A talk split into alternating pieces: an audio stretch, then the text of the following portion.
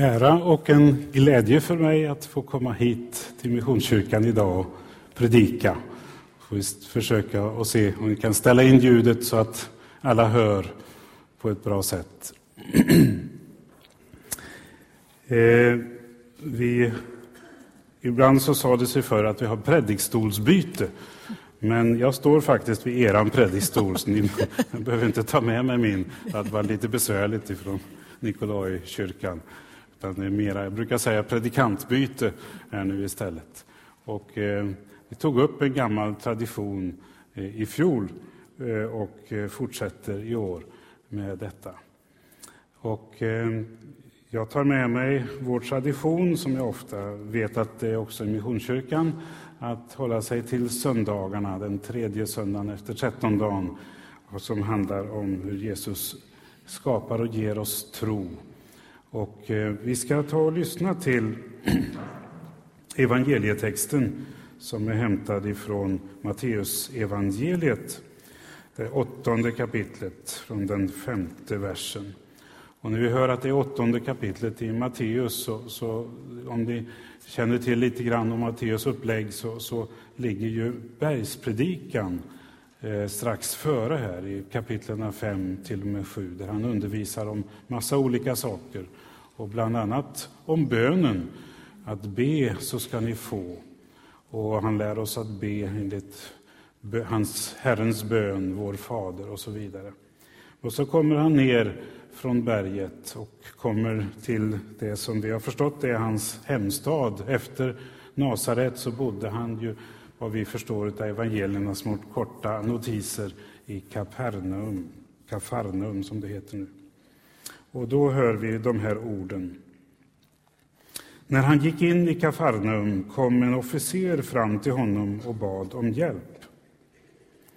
Herre, min tjänare ligger förlamad där hemma och har svåra plågor. Jesus sa, ska då jag komma och bota honom? Officeren svarade, Herre, jag är inte värd att du går in under mitt tak. Men säg bara ett ord, så blir pojken frisk. Jag är själv en som står under befäl och jag har soldater under mig och säger jag till den ene, gå, så går han. Och till den andre, kom, så kommer han.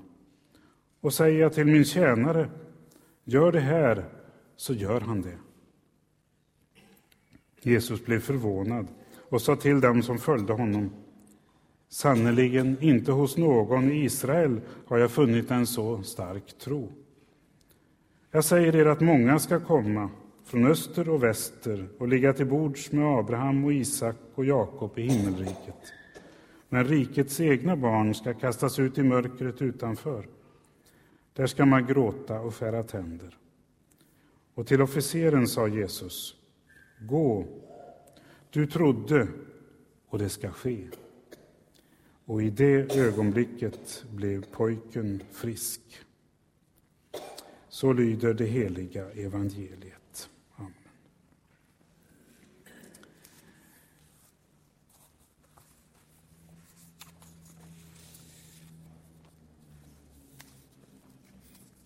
Vi har inte förtroende för honom, sa några.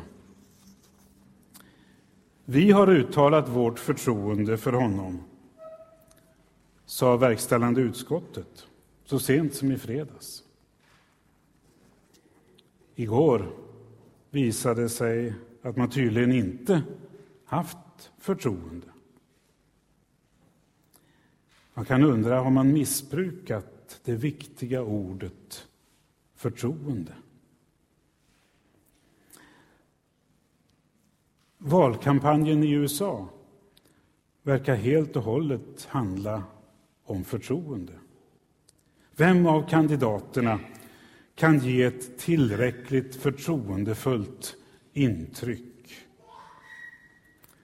Och i debatterna och kampanjen gäller det å andra sidan att skjuta den andres förtroende i sank. Kandidaternas kompetens verkar vara underordnad. Åsikterna vänder de efter vart vinden blåser. Allt verkar handla om förtroende. Jag har förtroende för dig, uttryckte officeren med sin hållning till Jesus. Det är därför jag kommer till dig och ingen annan. Jag har förtroende för dig. Det han har sett av Jesus har övertygat honom om att Jesus har kraft att gripa in och hela. Till och med att vända en dålig diagnos till en god prognos, ja, till ett tillfrisknande. Han har förtroende för Jesus, fullt förtroende.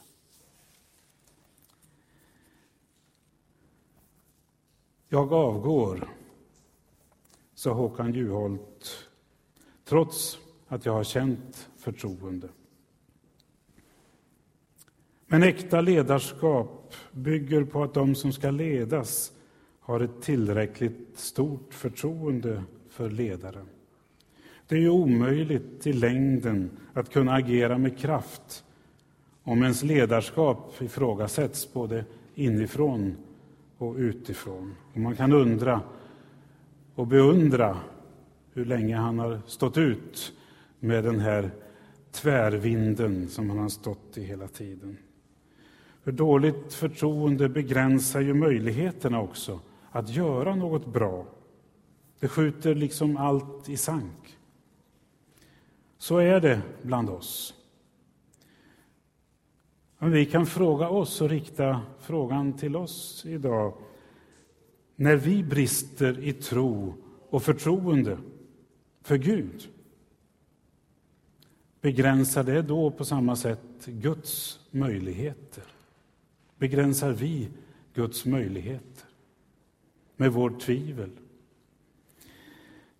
Kanske ändå inte. För Guds möjligheter är obegränsade.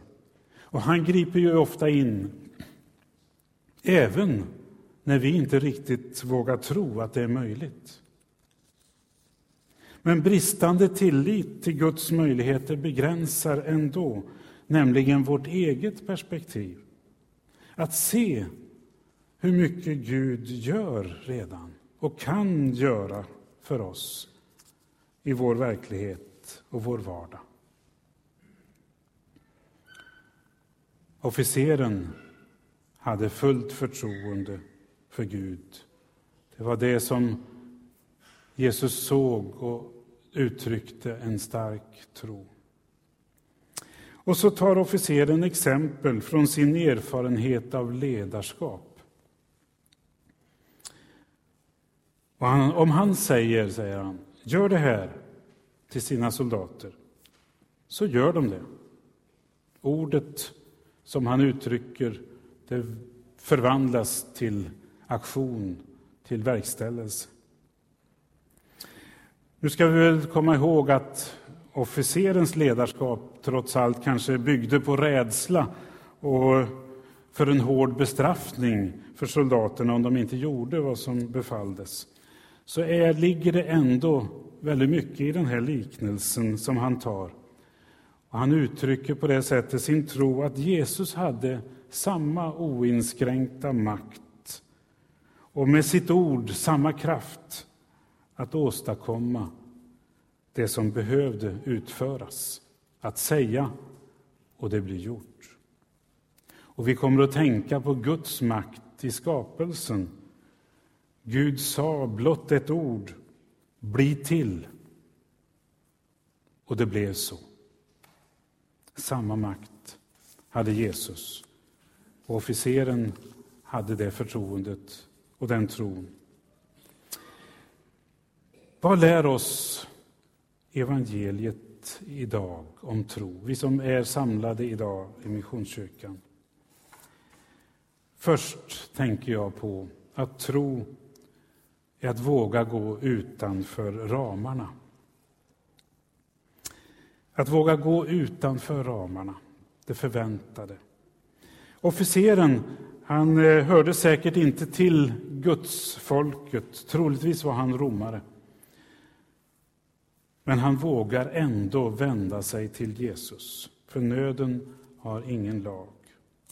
Bönen kommer alltså utifrån till Jesus, skulle vi kunna tänka. Vi kanske undrar ibland om vi är godkända ur Guds synpunkt. Om vi står inne i så att säga, gemenskapen eller, eller utanför. Om vi är tillräckligt fromma eller goda för att komma med vår begäran. Men vi lägger märke till att Jesus bedömer inte officerens eventuella andlighet. Han ser bara det starka hoppet att få hjälp. Officeren räknar med Jesu kraft. Det är det som Jesus ser.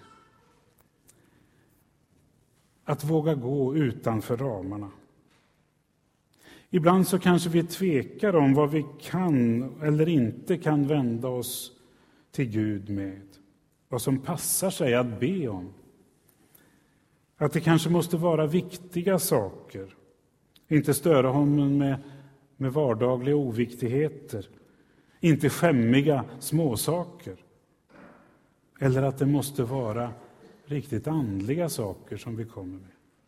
Men titta på officeren. Han börjar inte med Du Jesus, jag undrar lite grann över det här med oss hedningar. Om hedningar kan bli frälsta. Vad, vad säger eh, teologin om, om, om det här? För att så småningom komma, du Jesus, jag hade en liten annan sak också. Jag har en tjänare där hemma och så där. Jag undrar om jag skulle kunna få lite hjälp med. Nej, han håller sig inte inom några artiga ramar eller konventioner, utan han går rakt på sak med sitt behov. Inga kringelikrokar. Min tjänare är sjuk. Låt oss lära oss av officerens mod.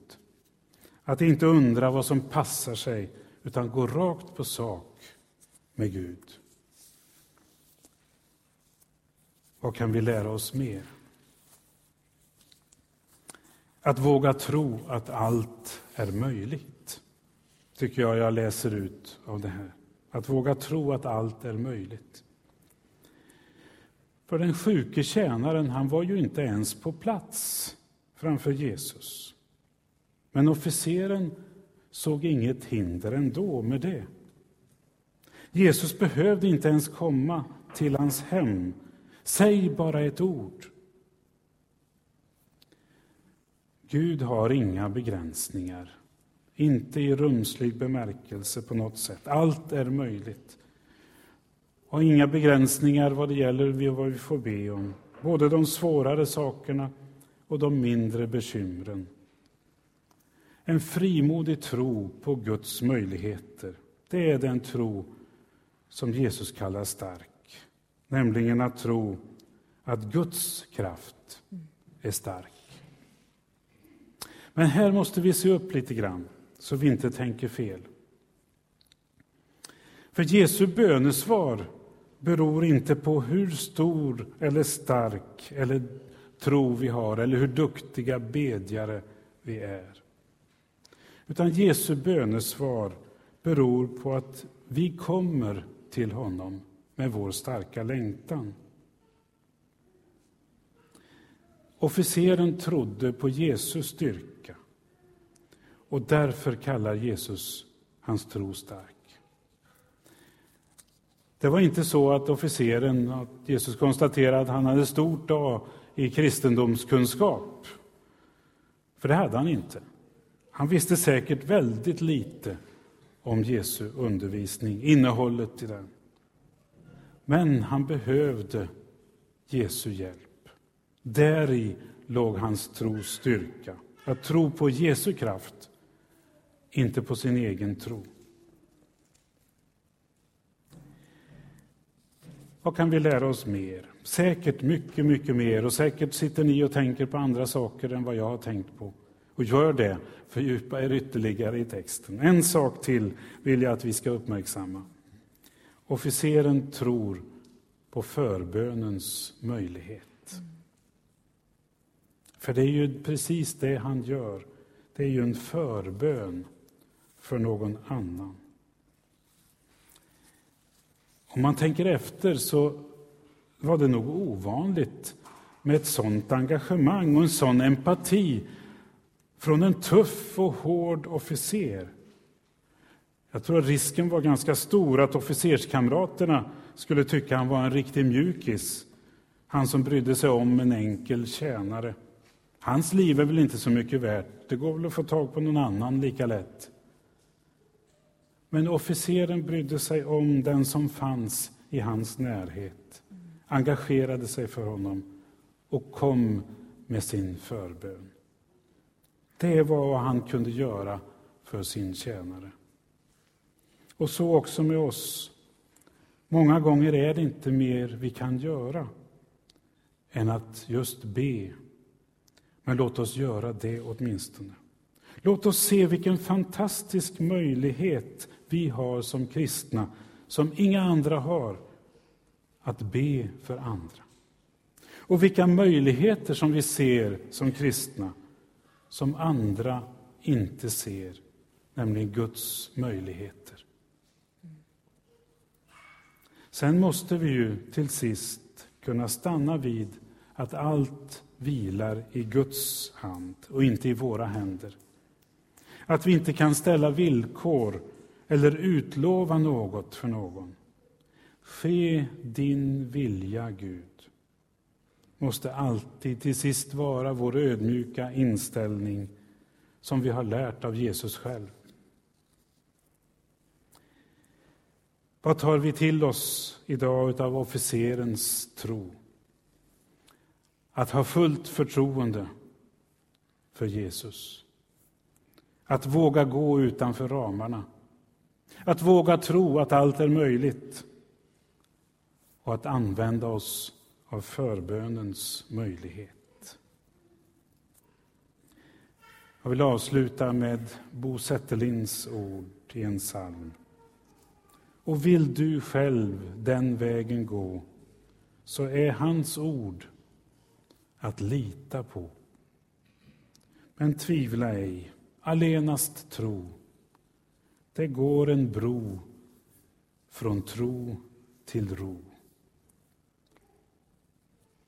Amen. Låt oss be.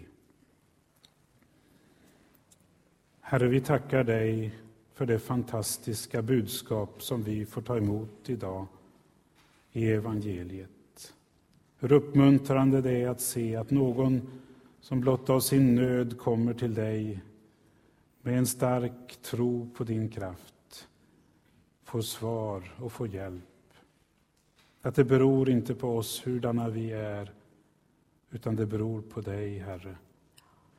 Hjälp oss att ofta komma till dig med våra böner, våra förböner. Och tro att du kan hjälpa, du som har all kraft och alla möjligheter. Ingenting är omöjligt för dig. Låt oss få lägga varandra i dina händer, dina omsorgsfulla och helande händer. Att du tar hand om oss på det sätt som vi var och en behöver. I Jesu namn. Amen. ska vi sjunga en psalm, får jag tillfället att pålysa en psalm som jag föreslog att vi skulle sjunga. Ibland så i de här trakterna så kallas den för Rackebysalmen. Eh, för att Salmen 253 i vår gemensamma psalmbok är skriven av Ida Granqvist som härrörde utifrån Rackeby. Hon var eh, missionär i Sydafrika för Svenska kyrkans mission och skrev de här orden. O giv oss, Herre, av den tro som sorgerna betvingar, som lyfter oss till ljus och ro på starka örnevingar. Och den salmen ska vi sjunga tillsammans.